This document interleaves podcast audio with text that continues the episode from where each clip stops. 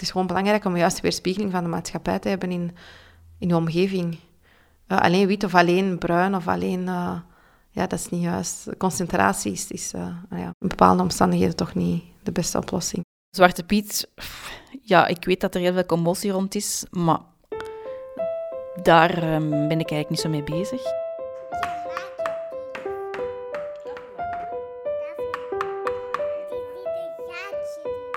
Dingen die in onze maatschappij toch nog dikwijls worden genoemd als zijnde dat zijn papa-dingen of dat zijn mannen-dingen. Maar ja, hier in huis doe ik alles. En dat doet ze dan toch wel graag mee. En precies toch wel net iets liever dan met de poppen spelen op zo'n moment. We zijn niet bewust haar genderneutraal aan het opvoeden, maar we zijn er ook we zijn er misschien wel bewust niet meisjesachtig aan het opvoeden. Dit is Vraag het aan, een podcast van EOS Wetenschap. Ik ben Lisbeth Gijssel en in vier afleveringen zal ik het hebben over opvoeding. Mama of papa worden, het is een breuklijn in je leven. Plots is daar een wezentje dat helemaal van jou afhangt. Hoe moet dat dan, ouder zijn? Doe ik het wel goed? Elke ouder heeft wel eens twijfels. Als mama van drie zonen zit ik ook geregeld met de handen in het haar. Hoe doen andere ouders dat, denk ik dan? Wel, ik heb het hen gevraagd. Ik ben Sophie, ik ben 39 jaar. Ik woon samen met mijn man Stijn en wij hebben samen drie kinderen. Ik ben Lotte, alleenstaande mama van Nette. Ik zelf ben 35 jaar, Nette is drie jaar. Um, ik ben Maxime, ik ben 29. Ik heb een dochtertje, Anna Paula, dat volgende week uh, 9 maanden oud wordt. Ik ben Lemja, ik ben 34 jaar oud, uh, mama van Shams. En wat zeggen experts? Opvoedboeken en adviezen genoeg, maar wat zegt de wetenschap hierover? De gedachte dat kinderen tussen aanhalingstekens kleurenblind zijn, is, dat die is helaas niet correct. Welke van deze kindjes is mooi, knap, lief? Welke van deze kindjes is stout of gemeen of, of dom? Dan zie je bij kinderen van zes jaar oud al dat ze daar etnische kenmerken gebruiken voor een onderscheid tussen kinderen die ze niet kennen. Dat wil ik uitzoeken in deze podcast. Dit is aflevering 4. Onze kinderen groeien op in een hyperdiverse samenleving. Hoe zorg je ervoor dat je kind niet in stereotypes gaat denken? Dat het geen racist wordt? En hoe wapen je je kind tegen racisme en discriminatie? En wat met de hokjes waar mannen en vrouwen in zitten? Ik ben opnieuw bij Lotte, de mama van de driejarige Nette. Na ons gesprek ochtends bel ik smiddags opnieuw aan om kennis te maken met Lottes dochter. Ze zijn net thuis van school. Het regent en de natte jassen hangen te drogen in de woonkamer. Nette is een vinnig meisje met een bril en kort haar. Ze race door de woonkamer met een poppenwagen, gooit haar poppen in het rond en laat zichzelf telkens in en uit de zetel vallen. Ze moet duidelijk wat energie kwijt. Ze weet wat ze wil en neemt graag de leiding, zegt Lotte. Zij is uh, een trekker. Ja. En zij zal andere kinderen ook um, dingen doen doen um, om het zichzelf gemakkelijk te maken. Delegeren. Ja, zeker weten. Absoluut, absoluut. Heeft ze dromen over um, wat dat ze later wilt worden? Uh, nee. Allee, er wordt... Ja, ze wil vooral oma worden, want dan kan ze met een grote auto rijden en is ze baas over een huis. Haar woorden. Ja, vooral, vooral de zin om, om ook baas te mogen zijn, is er zeker. Dus ik denk dat eerder ja, misschien directrice of zo. Eerder baas dan oma dus. Oma of mama worden dus niet meteen de grootste wens van Nette, die trouwens denkt dat ze een jongen is. En dat denkt ze van haar oma ook. Ze zegt, mama, ik heb een piemeltje. Hè. Iedere keer als ze naar het wc gaat, ik zeg, nee, dat is niet waar, want je bent een meisje. Je hebt een spleetje, geen piemeltje ben jij dan een, een jongen? Dus die interesse is er wel, hè, het verschil tussen jongen en meisje. Um, maar ze kent de verschillen omdat ik het aangeef. En waarschijnlijk omdat ze op school daar ook over spreken. Maar voor haar is er geen verschil. Volgens Lotte vindt Nette jongens interessant omdat er geen man in huis is. Lotte is alleenstaande moeder. Nette is een donorkind en geboren in een relatie met een vrouw. Lotte dopt haar boontjes prima in huis en dat ziet Nette ook. Vorige week hebben we in de tuin gewerkt en ik was wat aan het zagen. Ja, dat wou ze dan toch ook wel even doen. Ik heb hier geschilderd, dat wou ze dan toch ook even doen. Het dingen die in onze maatschappij toch nog dikwijls worden genoemd als zijnde, dat zijn papa-dingen of dat zijn mannen-dingen. Maar ja, hier in huis doe ik alles. En dat doet ze dan toch wel graag mee. En precies toch wel net iets liever dan met de poppen spelen op zo'n moment. Maar eigenlijk is het ook vooral de interesse in de grote mensenwereld. Hè. En wil ze dan niet even graag mee koken? Of, uh... Koken zeker. Um, maar ik ben zelf kok, dus ik sta heel veel achter het fornuis. Oma is ook kok in een restaurant. Dus wat, dat is wel een, een groot uh, onderdeel in haar leven. Hè. Hm. Dat doet ze heel graag mee. Hm. Heel graag. Dus ze maakt misschien gewoon geen onderscheid. Net zoals hier in huis ook geen nee. onderscheid is nee. tussen nee. de taken die de maatschappij als typisch mannelijk of als typisch ja, vrouwelijk ziet. Kinderen zien wat er rond hen thuis gebeurt en leren daaruit. Kinderen leren niet alleen van wat we zeggen. Oh, jongens en meisjes mogen allemaal dezelfde interesses, kunnen in principe dezelfde dingen, mannen en vrouwen, lala. Als we dus vervolgens als ouders het compleet stereotype voorleven. Tot op zekere hoogte zit de maatschappij natuurlijk op een bepaalde manier in elkaar. Hetzelfde geldt dat kinderen toch ook meekrijgen dat hè, uh, vaders de auto naar de garage brengen en, en moeders uh, de, de was doen. Ik verzin maar wat. Hoe vaak we ook graag iets anders willen zeggen. Dit is Judy Mesman. Ze is professor aan de Universiteit Leiden en schreef het boek Opgroeien in kleur over opvoeden zonder vooroordelen. We spreken elkaar digitaal. Zelf het goede voorbeeld geven als je niet wilt dat je kind genderstereotyp gaat denken, is dus de boodschap. En als het thuis om een of andere reden toch zo is dat mama altijd in de keuken staat en papa altijd klust, dan kan het goed zijn om erop te wijzen dat dat niet zo hoeft te zijn. Er is natuurlijk niet alleen het voorbeeld van de rollen die mama en papa opnemen. Er is ook speelgoed en kledij. Roze en blauw, dat rammen we er zo vroeg al zo hard in dat, dat een peuter weet al dat, wat daar de bedoeling is. het is iets waar Maxime bewust niet in wil meegaan. Hij werd negen maanden geleden vader van een dochtertje, Anna Paula. Ze wordt ook wel eens af en toe herkend als jongetje. Dat heeft dan te maken met het feit dat ze donkerblauw aan heeft of een grijze broek. We zijn niet bewust haar genderneutraal aan het opvoeden, maar we zijn er ook we zijn er misschien wel bewust niet meisjesachtig aan het opvoeden. Anna Paula is nog een baby, dus zelf kiezen kan ze nog niet. Maxime en zijn vrouw maken er een erezaak van om te proberen alle opties open te houden, tot ze zelf keuzes kan maken. En dat ze er zelf over mag beslissen op een bepaald moment of dat zij zich een zeer meisjesachtig meisje voelt of, of meer een, uh, een stoer type. Of, dat is niets wat wij uh, nu al voor haar willen bepalen. Dus ja, er zijn wel dingetjes die haar wat meisjesachtiger en wat schattiger maken. Ze heeft een heel schattig, heel zacht roze pyjamaatje. Um, ze heeft ook een, uh, ja, ze heeft ook een, t-shirt met een piraat op. Um, goh, ja. Kijk, ze mag, ze mag daar eigenlijk op een bepaald moment zelf haar weg in zoeken. Um, en wij zullen haar zoveel mogelijk proberen om, om ervoor te zorgen dat die keuze vrij nog is op dat moment en daar dus wel alles aanbieden, maar in beperkte mate. Sommige kledingketens komen ouders en kinderen daarin tegemoet. De HEMA besliste bijvoorbeeld om genderneutraal te gaan. Ja, en dan meteen even de definitie van het genderneutraal. Dat betekent niet dat er niks meer roze is en dat er niks meer uh, robots en Spidermans erop heeft. Het betekent dat de HEMA niet meer zelf het label jongen of meisje eraan hangt. Dus ze hebben in principe dezelfde kleding, maar zij zeggen niet meer zelf: dit is voor jongens, dit is voor meisjes. Er zijn inmiddels ook wat speelgoedfabrikanten die in die richting willen. Dus dat is dan wat genderneutraal betekent. Er is keus. En wij gaan niet voor jouw kind bepalen wat bij wel of niet bij hun geslacht hoort.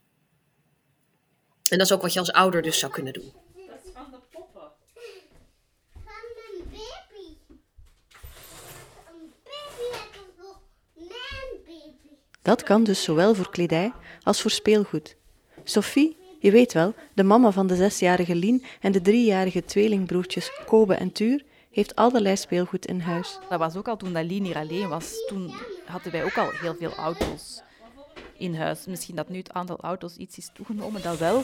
Maar um, ze spelen zij alle twee met auto's. Of hebben alle twee met auto's gespeeld. En net zoals met poppen. En ze, als Lien haar nagels wilt lakken, dan lakken de broers ook hun nagels. Ik denk niet dat dat... Ik vind dat allemaal vrij... Maak mij daar niet zo'n zorgen of druk over. Ik denk dat dat vrij normaal is, dat ze dat ook allemaal eens willen proberen. En laat je ze dan, dat dan toe? En mogen ze dan ook zo bijvoorbeeld naar school met de gelakte Ah ja. Probeer te kijken naar wat je kind leuk vindt, adviseert Mesman. Je kind eh, auto's door de, de strot duwen als ze daar geen zin in hebben, is, een, is, is niet zo'n eh, succesvolle eh, eh, strategie. Maar in de speelgoedwinkel niet automatisch naar de roze hoek lopen met je dochter, naar de autohoek met je zoon, maar de hele winkel bekijken. Ik noem maar wat hè, als voorbeeld. Ehm, en dan niet op het moment dat eh, zo'n lief de Barbie pakt zeggen: Oh, maar kijk, deze Spider-Man is ook zo mooi. Eh, nou, en dat doen we wel, hè? want we vinden het toch wel ingewikkeld om echt vrij te laten. Maar als je werkelijk kindvolgend bent, dan kun je je kind volgen in de interesses en, en, en talenten die zij hebben. Of dat in welke hoek van de speelgoedwinkel dat zo is. Sophie probeert dus van alles aan te bieden. Toch ziet ze dat er verschil zit in een zoon of een dochter. Lien speelt nu niet meer echt met die auto's. Ehm Lien is vooral bezig met knutselen, tekenen, eh, letters schrijven nu. Ehm, ja, en dan zo die rollen spelen. En Lien wil altijd baby spelen. Met dan de broertjes natuurlijk. Die dat minder en minder leuk vinden, want dan is het wie dat er dan de baby moet zijn. Ja, die is zo meer dat zorgende. Hè? Die wil zo meer zorgen voor iedereen. Ehm, en de broertjes... Ja, als die eigenlijk alleen thuis zijn, dan kunnen die echt wel heel goed met z'n tweetjes alleen spelen. Eh, met de Playmobil of zo. Ehm, of met de auto's. Ik zag het zelf ook bij mijn zonen. Terwijl ze als jonge kleuter nog graag experimenteerden met nagellak en al eens een staartje in hun haar wilden, leek dat er met het ouder worden echt uit te groeien. Nerfgeweren, autoracebanen en Lego namen de overhand. We zien ook dat eh, gedragsverschillen tussen jongens en meisjes afwezig zijn bij de geboorte, zo'n beetje. En dat die met elk toenemend levensjaar groter worden. Wat ook voor groot terwijl er biologisch niet per se heel veel verandert op die jonge leeftijd. Hè? Kijk, vanaf de puberteit wel, maar voor die tijd niet. Ehm, dus dat suggereert ook wel een socialisatie-effect. Ik wil niet zeggen dat er geen biologische verschillen zijn, die zijn er. Maar die zijn wat minder, die versterken we met onze sociale omgeving. Dus de illusie dat je als ouder dat, dat volledig vrij kunt opvoeden en dat dat dan ook zo uitpakt, die, die, eh, die, die, die bubbel moet ik helaas doorprikken. Een socialisatie-effect. Dat wil zeggen dat de omgeving kinderen meer en meer beïnvloedt. Kinderen pikken op wat hoort bij een jongen of een meisje, thuis, op school, op televisie, in boeken en conformeren zich aan die normen. Het kan geen kwaad te proberen daar wat tegenin te gaan. Ik ken ouders die, die, die consequent Jip en Janneke omdraaien, of, of willekeurig Jip en Janneke omdraaien in de rollen die ze nemen in het verhaal. Dat lijkt mij heel ingewikkeld eh, om dat goed bij te houden in je hersenen. Maar daarbij kun je ook nog wel eens zeggen: Goh, eigenlijk gek hè, dat Jip altijd degene is die, of dat moeder altijd degene is die, of vader. Dat klopt. In het licht van de 21ste eeuw zijn de verhaaltjes van Jip en Janneke hopeloos ouderwets. De moeders zijn altijd thuis. Janneke heeft een rokje aan en durft weinig. Jip is de stoere jongen. Maar wie daar zin in heeft, kan het verhaal een beetje aanpassen. Sophie maakt Janneke bijvoorbeeld wel een stuk stoerder als ze haar dochter Lien een verhaaltje vertelt voor het slapen gaan. Kom, ik heb geen upapstep. Ik heb zelfs geen stuntstep. Maar ik zou er wel heel graag willen. Ook Maxime heeft de bekende verhalen in huis, maar heeft er weer andere bedenkingen bij. Ik zie nu toevallig achter u een. eh, eh, we zitten in de babykamer, eh, als dit opgenomen wordt. Ehm, eh, een boek van Annie M.G. Schmidt, 2, Jip en Janneke. Ja, die zijn. ja, in de tekeningen van Fiep Westendorp zijn die zwart, maar die zijn eigenlijk niet zwart. Maar in het boekje daarnaast zie ik alleen maar witte mensen op de tekeningen staan. Dus ja, ik vind dat, ik vind dat jammer. Want misschien zag Nederland er in de tijd van een EMG Schmidt, en zeker toen zij jong was, meer zo uit. Dat is nu zeker niet het geval. Dus ja, ik denk dat representatie heel belangrijk is. Allee, heel schattige verhaaltjes, maar ik denk dat nieuwe tijden ook nieuwe verhalen kunnen gebruiken op dat gebied. Nieuwe tijden, inderdaad, en heel diverse tijden. Eén op de drie kinderen in Vlaanderen heeft een migratieachtergrond. Strikt genomen heb ik die zelf ook, want mijn vader is Nederlander. Die ingeweken Nederlanders vormen trouwens de grootste minderheid in Vlaanderen. Daarna volgen de Marokkanen en de Turken. Vast staat dat Vlaanderen alleen maar diverser wordt. In een stad als Antwerpen bijvoorbeeld heeft intussen drie kwart van de kinderen buitenlandse roots. Ook Anna Paula, het dochtertje van Maxime, zit mee in de statistieken. Maximes vrouw is Nederlandse. Als buitenlander zal het meisje wellicht nooit aangezien worden. Maar haar ouders willen wel dat ze diversiteit als iets gewoons gaat zien. Dat start al vroeg, in de crash. Er is, er is een, een, een representatief uh, aandeel uh, kinderen met een migratieachtergrond in de crash waar dat zij gaan. Um, een van haar begeleidsters is ook uh, van buitenlandse komaf. Um, we hebben de crash daar niet op uitgezocht, maar ik ben er wel blij mee. Vind je dat belangrijk? Ja. Zou dat ook meespelen in, als jullie een keuze gaan moeten maken voor een school? Ja, ik vraag me af in hoeverre dat, dat in een stad als Antwerpen nog, nog een keuze is die je moet maken. Um, ik ben zelf al naar een school geweest uh, in, de jaren 90 en begin jaren 2000, waar, uh, waar dat eerder de uitzondering was. Ik heb misschien met een paar mensen van buitenlandse origine in de klas gezeten, of wiens ouders uh, uit het buitenland kwamen. Um, maar dat, dat, was echt een hele kleine minderheid. Ik denk dat het realiteit nu in onze stad anders is. Nou, ik, vind dat, uh, ik vind het belangrijk dat je in aanraking komt met mensen die van alle wandels uh, des levens zijn. Mensen die op je lijken, mensen die niet op je lijken, uh, fysiek, maar ook in ideeën en in hoe, hoe, goed dat ze het hebben thuis of niet.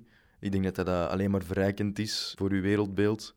En als er één ding is wat ik zeker zou willen voor mijn kind, dan is het, of voor mijn dochtertje, dan is het uh, dat ze een rijk leven heeft. En dat is niet uh, allemaal hetzelfde. En wat vinden mensen met een niet-westerse achtergrond daarvan?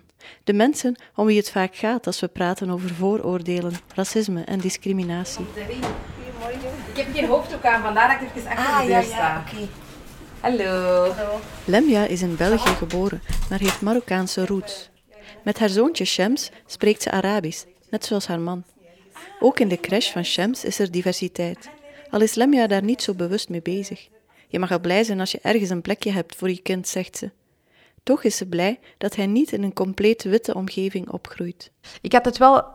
Ik zou het wel spijtig hebben gevonden, maar ja, anderzijds is het nog een babytje. Ik weet ook niet hoeveel dat hem daarvan meeneemt. Ik denk in de kleuterschool of hoger um, ja, zou, vind je dat wel belangrijk, omdat ja, het is gewoon belangrijk om juist weerspiegeling van de maatschappij te hebben in, in je omgeving. Uh, alleen wit of alleen bruin of alleen... Uh, ja, dat is niet juist. Concentratie is, is uh, ja, in bepaalde omstandigheden toch niet de beste oplossing. Is het inderdaad belangrijk om op een school te zitten met veel diversiteit? Eigenlijk is de contacthypothese een van de weinige wetenschappelijk zeer goed onderbouwde theorieën over hoe je vooroordelen tussen groepen en tussen individuen uit verschillende groepen kunt, uh, kunt tegengaan. De contacthypothese. Die houdt in dat je minder vooroordelen zult hebben als je in contact komt met mensen die anders zijn dan jezelf. Je hebt het proces van onbekend maakt onbemind. Hè? Nou, op het moment dat je een groep leert kennen of individuen uit een groep leert kennen, zijn ze al ietsje minder onbekend. Het helpt ook uh, het humaniseren van mensen uit een andere groep. Het is heel makkelijk om een, een, een groep zonder gezicht te zien als, oh, dat zijn zij. En zij zijn waarschijnlijk zo en zo. En zij doen dit of dat. En op het moment dat je individuen uit een groep leert kennen, dan blijkt dat ze niet allemaal hetzelfde zijn. dat de een dit is en de ander dat is, net als alle andere groepen en andere mensen. En dat helpt in het, in het zien van individuen met allerlei unieke eigenschappen, in plaats van als een, als een algemene groep waar je één mening over kunt hebben. En dat contact heb je liefst al van jongs af aan, zegt Mesman. Ze zou dan ook alle ouders aanraden om voor een diverse crash en school te kiezen. Zo raken kinderen al heel jong vertrouwd met mensen die anders zijn. Maar wat doe je als je in een wit dorp woont? Eh, de contacttheorie die is niet alleen bewezen voor contact met uh, echte mensen, tussen echte mensen, maar ook uh, wat we ook wel extended contact noemen. Dat kan dus zijn dat je iemand kent die vrienden heeft die, of dat je via boekjes of via films of programma's ook in contact komt met mensen die anders zijn dan jij. Of zelfs nog mooier, dat je intercultureel contact ziet gebeuren in een boekje. waardoor een kind zich ook kan inleven alsof zij die ene persoon waren die dus een vriendschap had met die andere persoon. Ook dat werkt in positieve zin als het gaat om het tegengaan van vooroordelen. Dus boekjes voor het blootstellen van kinderen aan, aan, aan voorbeelden die of in de wijk niet te vinden zijn, hè, of die, die, die wat nou ja, ruimte nodig hebben om het meer te bespreken. Daar, daar zijn boekjes uitstekend voor en series en films en allemaal dat soort dingen. Er zijn natuurlijk ook boeken die wel diversiteit tonen, maar die de vooroordelen net in de verf zetten. Klassiekers als Pippi Langkous bijvoorbeeld. Als kind vond ik het zelf een geweldig boek. Een sterk en stoer meisje dat alleen in een villa woont met een paard en een aapje en de volwassen wereld op de korrel neemt. Ik nam het vorig jaar nog eens uit de kast om het voor te lezen aan mijn jongste zoon en stootte op woorden als negerkoning en op stereotype tekeningen van zwarte kinderen op een eiland. Ja, er zijn gradaties van hoe erg, tussen aanhalingstekens, uh, boekjes en verhalen zijn. In het geval van Pippi Langkous en die koning, ik weet het niet hoor, of ik me daaruit zou kunnen kletsen. Uh, en, en of ik wil dat mijn kinderen die plaatjes zouden zien. Ik las wel verder, maar merkte dat ik koning ging lezen in plaats van negerkoning. Is het goed om jezelf wat te censureren? Ja, goed. Eh, dat, dat zijn persoonlijke keuzes. Hè? Ik ben niet zo heel erg van ouders vertellen wat ze moeten doen. Ik ben heel erg van het ouders proberen te inspireren om na te denken over waar ze staan op dit gebied. Dus wil je nou dat je kind dit ziet en dit meekrijgt? En de ene ouder die zal zeggen van ja, dat gaat me veel te ver om mezelf te censureren of om boekjes te... te, te, ja, dat mag, hè? Ik, ik ben daar niet de baas over. Maar dan is het wel een bewuste keuze. Dan is het niet van oeps, moet je nou kijken. Want dan ga je per ongeluk opvoeden.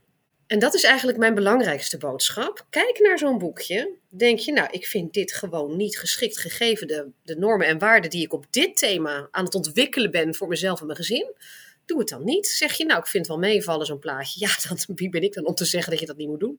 Dat tekeningen van zwarte kinderen met botjes door hun neus, in raffia-rokjes, op een eiland met een witte koning aangebrand zijn, dat ziet iedereen wel. Maar stereotyp denken is niet altijd even makkelijk te herkennen. Je moet er een bewustzijn voor kweken, want ook onschuldig lijkende woorden en opmerkingen kunnen kwetsend zijn. Dat zijn heel vaak totaal onbedoelde uitspraken, hè? zoals oh wat spreek je goed Nederlands, uh, suggererend dat iemand die bruin is, dat we daarvan verwachten dat hij dat niet kan, hè? waarmee je dus meteen geen Belg of geen Nederlander meer bent. Hè? Het, het, het, gebruik van het woord gewoon, oh het was gewoon een Nederlander, het was gewoon een Belg, dan bedoelen we eigenlijk altijd een witte.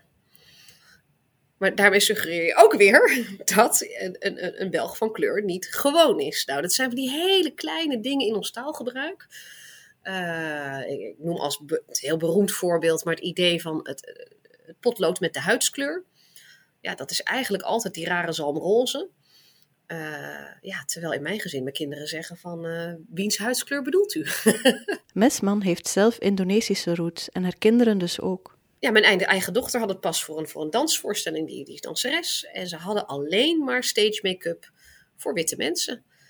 Ja, dit is de huidskleur. En dan staat zij daar en denk ik, ja, ik ben hier toch ook. En er is dus niets voor mij hier geregeld. En dat heeft niemand expres gedaan, maar het kwetst haar wel. Het is niet leuk, want je hoort er ineens niet bij. Nou, en die, hoe word je daarvan bewust? Dat is dus ingewikkeld, want ze zijn bij uitstek dingen waar je niet van bewust bent als je eenmaal begint door te krijgen waar dit allemaal in zit, dan zijn ook de dingen die je nog niet eerder hebt gehoord, ga je oren opspitsen. En dan ga je merken, oh, wat zeg ik nou? En dat doen we allemaal, dat doe ik ook nog steeds. Maar dan is de volgende stap precies die gedachte, oh, wat zeg ik nou? En als je kinderen erbij zijn, kun je dan ook zeggen, nou, nou zei ik dit, maar dat is eigenlijk heel gek dat ik dat zeg volgens mij. Nou ja, hè we zijn mensen, we blijven dat soort dingen doen. En dat is ook helemaal niet zo verschrikkelijk. Maar dat bewustzijn is een kwestie van jezelf blijven informeren, perspectief nemen. En dan gaat het je steeds vaker opvallen waar je blinde vlekken zitten. En die worden minder blind. Maxime heeft zijn eigen blinde vlek al ontdekt. Hij beseft dat hij minder onbevangen in zijn contacten met anderen staat dan zijn vrouw Merel.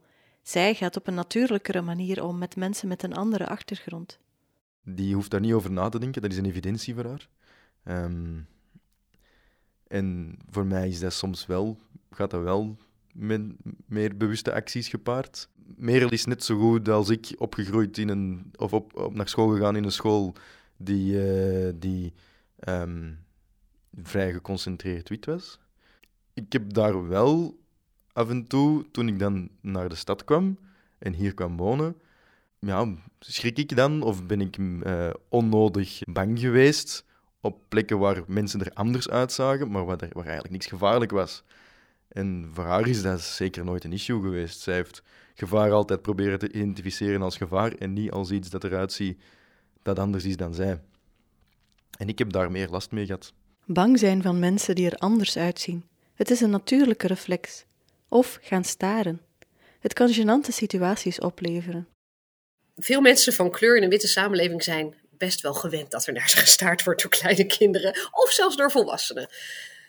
Sommigen zijn daar totaal niet van gediend en die zie je zelf al hè, verstijven en het echt een ongemakkelijke, nare situatie te vinden. Dan is het ook jouw rol als ouder, denk ik, of überhaupt als medeburger, om de situatie te vergemakkelijken. En, en dus te zeggen, hè, te zorgen dat je kind wordt afgeleid.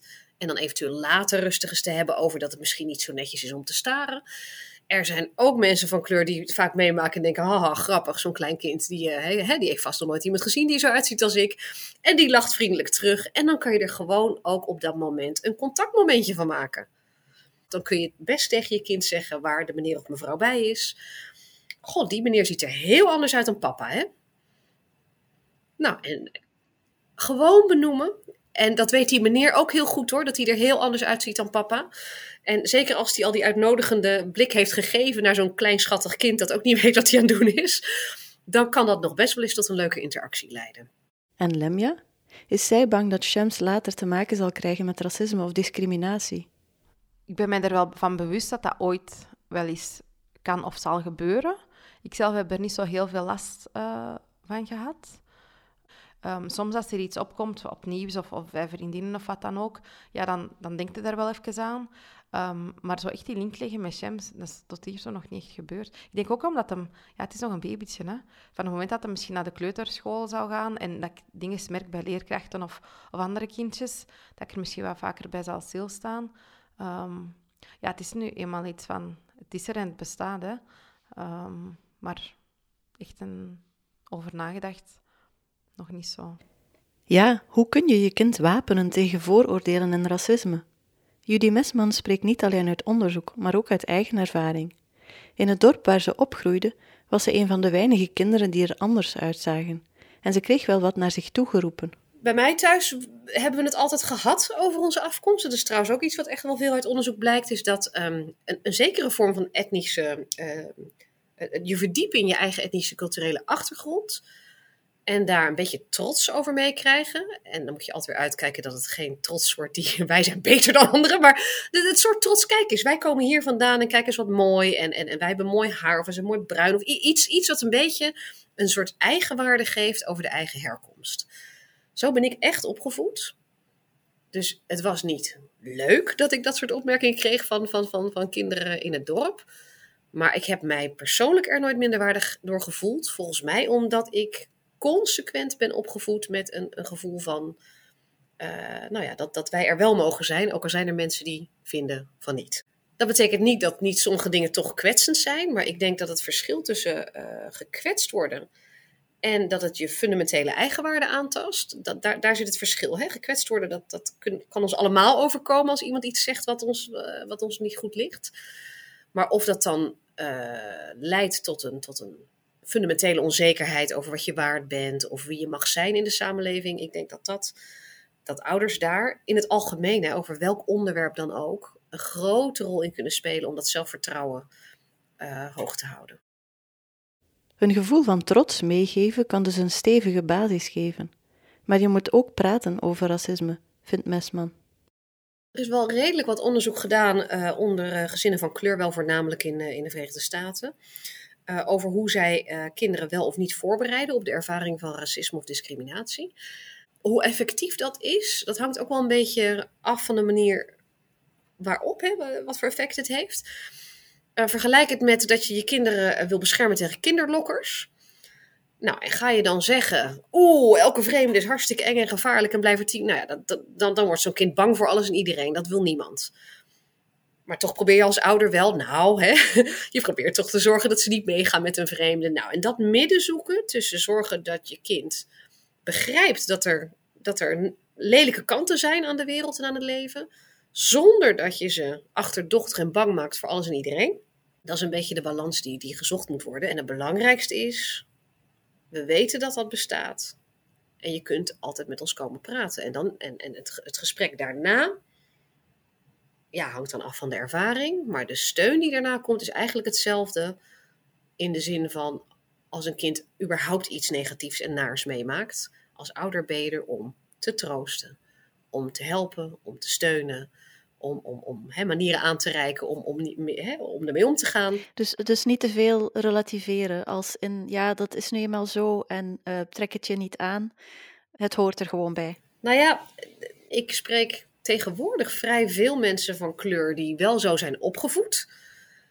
Niet zeuren, niet klagen, we moeten nou eenmaal harder werken. Dus wel de, de, de, de erkenning dat er zoiets is als, als racisme en discriminatie.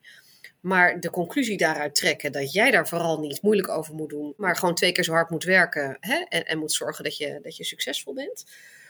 En ik hoor zelf, maar dat is anekdotisch, dat mensen niet zo tevreden zijn met die aanpak. Dat volwassenen die zo zijn opgevoed, eigenlijk altijd het gevoel hebben gehad dat ze, nou ja, dat het inderdaad niet serieus werd genomen, dat ze er niks van mochten vinden, maar ze vonden het stiekem wel.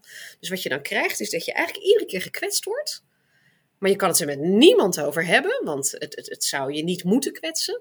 En toch voel je het de hele tijd. Dus je gaat op een gegeven moment ook je eigen gevoel wantrouwen. Van ja, stel ik me nou aan? Waarom? Waar, hè? Ik moet me hier niks van aantrekken. Die aanpak doet me denken aan discriminatie en grensoverschrijdend gedrag bij vrouwen. Het hoort erbij en je moet niet zeuren. Was dat vroeger ook niet de gedachte? En hoe is het eigenlijk om op te groeien in een Vlaanderen met katholieke tradities als je zelf moslim bent? Lemja is er heel pragmatisch in. Ik heb um, in het middelbaar eigenlijk voornamelijk op een katholieke school gezeten, zelfs uh, ook gewoon godsdienst en uh, wees gegroet en zo allemaal moeten leren. Ik heb zoiets van, ja, sommige zaken, dat hoort erbij. Ik zou liever hebben dat hem islam krijgt. Moest dat niet zijn, die zeedleren optie? En ja, als, als het echt niet anders kan, ja, dan is het godsdienst. Dat hem dat krijgt, dat vind ik het einde van de wereld niet. Maar gewoon dat hij weet van dat we thuis iets, in iets anders uh, geloven. En feesten zoals Sinterklaas of kerst? Je maakt je kind duidelijk van... Hé, Sinterklaas, wij geloven daar niet in, of kerstman, of wat dan wel, en daar geloven we wel in. Je laat hem het beste van de twee werelden nemen eigenlijk. Op school krijgt hem Sinterklaas en de kerstman. En thuis met offerfeest en suikerfeest. Dat zijn dan andere feesten van ons. Um, ja, daar krijgen wij cadeautjes, daar vieren wij andere zaken. Samen zijn, uh, cadeautjes uitdelen. De, de, kindjes onderling, zowel van de ouders naar de kinderen en andersom. Dus ik zie niet in waarom dat... Voor mij hoeft dat zeker niet afgeschaft te worden, nee. Sinterklaas, een heikelfeest. Wat moet je daar eigenlijk mee in deze 21ste eeuw? Als je als ouder serieus geïnteresseerd bent in het je kind bijbrengen uh, van antiracistische waarden, dan zou ik Zwarte Piet vermijden. In woord, in boek, in liedjes. En als het als ouder enigszins lukt om naar een intocht te gaan waar ze niet zijn, als het als ouder lukt om met een groepje naar de school te gaan en te zeggen: Wij willen heel graag dat onze school Zwarte Piet vrij is, dan zou ik dat een fantastische stap vinden. Uh, in de richting van een, een, kinderfeest dat voor iedereen leuk kan zijn. Ja, Sinterklaas komt hier aan huis. Um, ik vind dat zelfs soms wel een beetje een moeilijke. Ja, of Zwarte Piet. Ja, ik weet dat er heel veel commotie rond is, maar daar um, ben ik eigenlijk niet zo mee bezig. Sophie voelt geen behoefte om het Sinterklaasfeest bewust aan te passen. Ze zitten op een school waar er sowieso um, verschillende culturen samen zitten. Um, naar mijn gevoel zien zij die verschillen niet. Um, wij staan zelf open voor iedereen, dus ik heb het gevoel dat zij dat ook wel overnemen. en om dat gegeven van een multiculturele klas nu te koppelen aan Zwarte Piet, voor mijzelf gaat dat toch nog een beetje, is dat toch iets totaal anders. Dus rond Zwarte Piet zijn we niet echt bezig. Hebben ze veel vrienden op school die uh, een andere achtergrond hebben? Ja, het is toch een multiculturele klas. Poolse kindjes, zwarte kindjes. Ja. ja. Ik denk dat ze daar zo aan mee opgroeien. Misschien zie ik dat verkeerd, maar in de speeltuin spelen ze toch met iedereen. Alle kinderen van de ouders met wie ik sprak groeien op in super diverse omgevingen. Dat is ook niet zo verwonderlijk, omdat ze allemaal in Antwerpen wonen. Nette, het driejarige dochtertje van Lotte, is in haar klas zelfs het enige kindje met een Vlaamse achtergrond. En verder hebben ze allemaal een andere nationaliteit. Allee, Of nationaliteit mag ik niet zeggen, hè, want het zijn allemaal uiteraard Belgische kindjes. Andere roots. Ja, ja, ja, ja. ja. Fijn om te zien hoor. Echt. Hoe die kindjes samen spelen, elkaar verstaan. Ondanks dat de een, het een kindje minder goed Nederlands kan dan het andere. Maar kinderen hebben geen taal nodig. Hè. Doe je als ouder iets ehm, om haar op te voeden, zelf dan, zonder vooroordelen of eh, stereotypen? Ik ben daar niet mee bezig. Nee. Nee. Nee, omdat het. Nee. Het is 21ste eeuw. En verschillen zijn fijn. En dat geef ik wel mee aan Nette. Zowel Sophie als Lotte zien dat hun kinderen met allerlei leeftijdgenootjes spelen, dat ze geen onderscheid maken. Ja, het lijkt zelfs of ze niet eens zien dat sommige kinderen een andere huidskleur hebben dan zijzelf. Ik zag het ook bij mijn eigen kinderen. In de kleuterschool hadden ze vriendjes met allerlei achtergronden, maar vanaf een jaar of zes, zeven leek dat te veranderen. Ze behielden alleen die vriendjes met min of meer dezelfde achtergrond en gingen veralgemenen over anderen, moslims of Marokkanen. Vreselijk vond ik dat. Maar hoe zit het dan met die kleuters? Zien zij inderdaad op die jonge leeftijd geen verschillen? Ik wou dat dat waar was. nee, het, eh, de gedachte dat kinderen tussen aanhalingstekens kleurenblind zijn, is, dat, die is helaas niet correct. Ehm, wat we eigenlijk in heel veel onderzoek zien, is dat kinderen sowieso al voordat ze één jaar oud worden, eh, betrouwbaar is en voorspelbaar onderscheid kunnen maken, kunnen zien tussen mensen eh, met, laten we even heel grofweg het onderscheid tussen een Afrikaans uiterlijk, een Oost-Aziatisch uiterlijk en een Europees uiterlijk. Dat zien kinderen. Al voordat ze een jaar oud zijn. En ze worden steeds slechter in onderscheid maken tussen verschillende gezichten van mensen uit andere groepen, vooral als ze weinig contact hebben met die andere groepen. Alle Afrikanen zien er hetzelfde uit, zeg maar. Vanaf de kleutertijd, zeker de late kleutertijd, zien we al wel in veel studies dat uh, kinderen wel degelijk echt een voorkeur hebben voor kinderen die, uh, die lijken op zichzelf, die uit hun eigen groep komen. Uh, en dat, dat, dat is niet alleen met, met wie wil je spelen of naast wie wil je zitten, maar zelfs ook als je ze woordjes laat uitdelen. Welke van deze kindjes is mooi, knap, lief? Welke van deze kindjes is stout of gemeen of, of dom? Dan zie je bij kinderen van zes jaar oud al dat ze daar etnische kenmerken gebruiken voor een onderscheid tussen kinderen die ze niet kennen. Vanaf de kleuterleeftijd gaan kinderen meer en meer hokjes denken. Dat is normaal, zegt Mesman. En dat piekt een beetje rond 6, 7 jaar. Uh, dat is gewoon de cognitieve ontwikkeling, hè, zoals we dat noemen. Um, dus het feit dat kinderen dan heel erg van hokjes zijn, dat hoort daarbij, dat hoort daarbij, dat is ook een manier voor hen zelf om de wereld te begrijpen uh, en een beetje orde aan te brengen in, in, in de chaos. Contact kan dus wel al helpen om het hokjesdenken te verminderen. En zelf het goede voorbeeld geven, maar ook erover praten.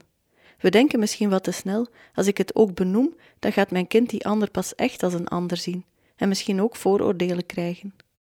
Nee, er is uh, ook onderzoek dat dat laat zien, dat als uh, ouders uh, eigenlijk bijna soms actief het er niet over hebben, wij doen onderzoek met platenboeken waar overduidelijk uh, kinderen met verschillende huidskleuren en achtergronden te zien zijn. En ouders die ondanks dat het, dat het nou ja, bijna van de bladzij afspat, uh, het totaal niet benoemen, dat die kinderen eerder meer dan minder vooroordelen hebben. Dus het niet benoemen doet een aantal dingen. Ten eerste is het iets wat we allemaal zien. We hebben al in onderzoek vastgesteld, kinderen zijn niet kleurenblind, dus kinderen zien het. Overigens weten we dat kinderen niet kleurenblind zijn, want wat doen ouders van peuters en kleuters altijd als ze boekjes lezen met hun kinderen? Kleuren benoemen. Kijk, een rode bal. Kijk, een blauwe jurk. Kijk, een groen. We doen niet anders dan kleuren benoemen met jonge kinderen. En als je alle kleuren benoemt, behalve die hele donkerbruine uh, huidskleur versus die hele lichte huidskleur, dan valt dat ook een kind op. Er zijn verschillende interpretaties dan mogelijk voor zo'n kind. Oh, dit is iets heel engs waar we het niet over moeten hebben. Nou, je kunt je voorstellen dat de gedachte dat verschillende huidskleuren iets engs is, misschien niet heel erg bevorderlijk is voor, uh, voor, voor kinderen hun visie op een multiculturele samenleving. En een tweede is dat je het ook heel moeilijk kan hebben over verschil en over dat discriminatie bestaat, hè, zeker als kinderen iets ouder zijn, als je verschil niet eens benoemt. Want als er geen verschil is, dan kan racisme ook niet bestaan. Dus dit is een rode bal, dit is een bruine meneer. Perfect Ja, normaal. absoluut. Absoluut. Zo'n gesprek kun je ook voeren als er zich een andere aanleiding voordoet. Een eerste ontmoeting met iemand die zwart is bijvoorbeeld. Een nieuw meisje in de klas. Een vrouw met een hoofddoek op straat. Kinderen zien natuurlijk wel eens dingen gebeuren en hebben er, kunnen toch wel iets ge- meegekregen hebben. En ik denk dat de neiging van ouders die het begrijpelijkerwijs een ingewikkeld onderwerp vinden, dat op het moment dat een kind in die richting gaat, hè, dat kan hetzelfde zijn met onderwerpen over seks, dat, dat je dan als ouder ook al snel oh, ik ga heel snel linksaf, dan hoef ik het hier niet over te hebben. oh, kijk daar eens.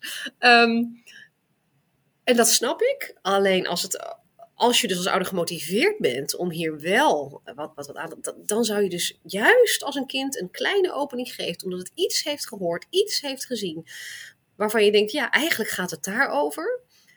En dan niet de gemakkelijke route van, ja, het gaat daarover, maar dat vind ik heel moeilijk, dus dat doe ik liever niet. Neem nou die opening. Dat is kindgericht eigenlijk het erover hebben. In plaats van, eh, kom zoon, laten we eens aan tafel gaan zitten om het hierover te hebben. Ja, dat is een raar verhaal. Dus gebruik juist die haakjes, omdat je dan ook weet waar je kind is in de belevingswereld. Hè? Discriminatie, racisme en huidskleuren, dat, dat vinden mensen een moeilijk onderwerp. En ook soms wel een beetje een eng onderwerp. En dat snap ik heel goed. Ehm, maar ik zou willen zeggen, doe het toch maar. Hè? Het is niet erg om fouten te maken. Het is niet erg om soms ook gewoon te zeggen: Nou, lieve kind, dat weet ik ook niet. Eh, maar dan is het tenminste geen taboe onderwerp waar, eh, waar het hele gezin zich ongemakkelijk bij voelt.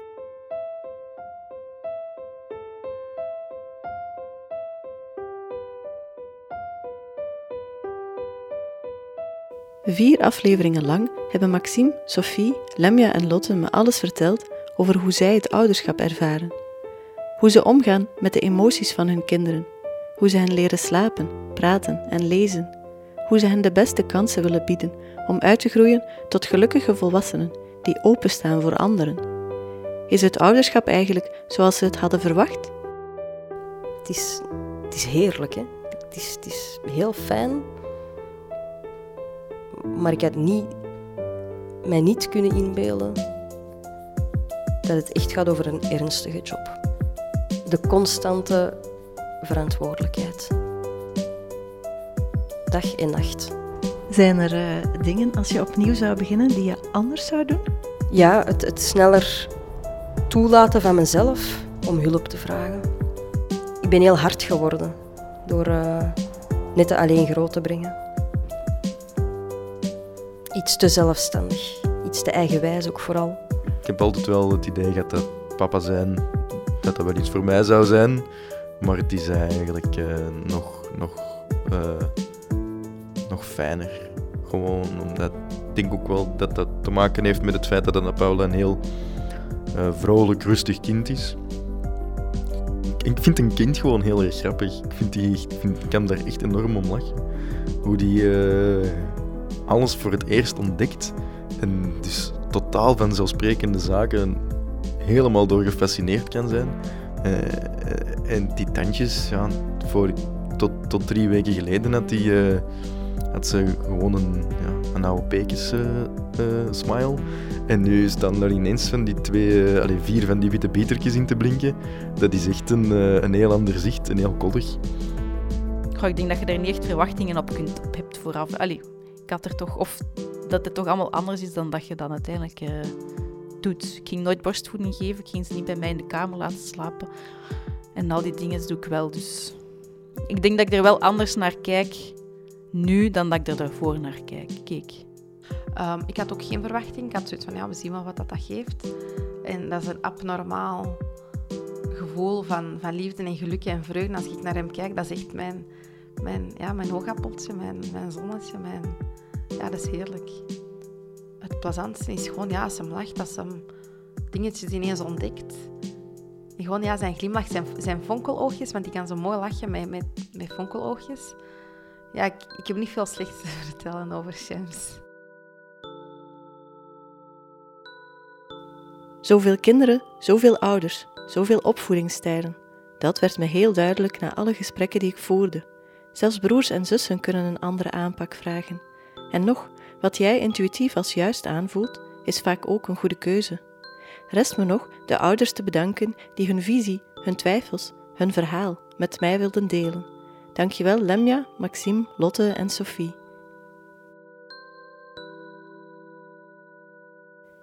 Dit was Vraag het aan, een podcast van EOS Wetenschap. Gemaakt door mezelf, Liesbeth Gijssel. Eindredactie en eindmontage, Kim Verhagen. De muziek is van Tom Lefevre. Vond je deze podcast interessant? Schrijf dan een review, dat helpt anderen om hem ook te vinden. Wil je nog meer weten over opvoeding? Ga dan naar www.eoswetenschap.eu opvoeding.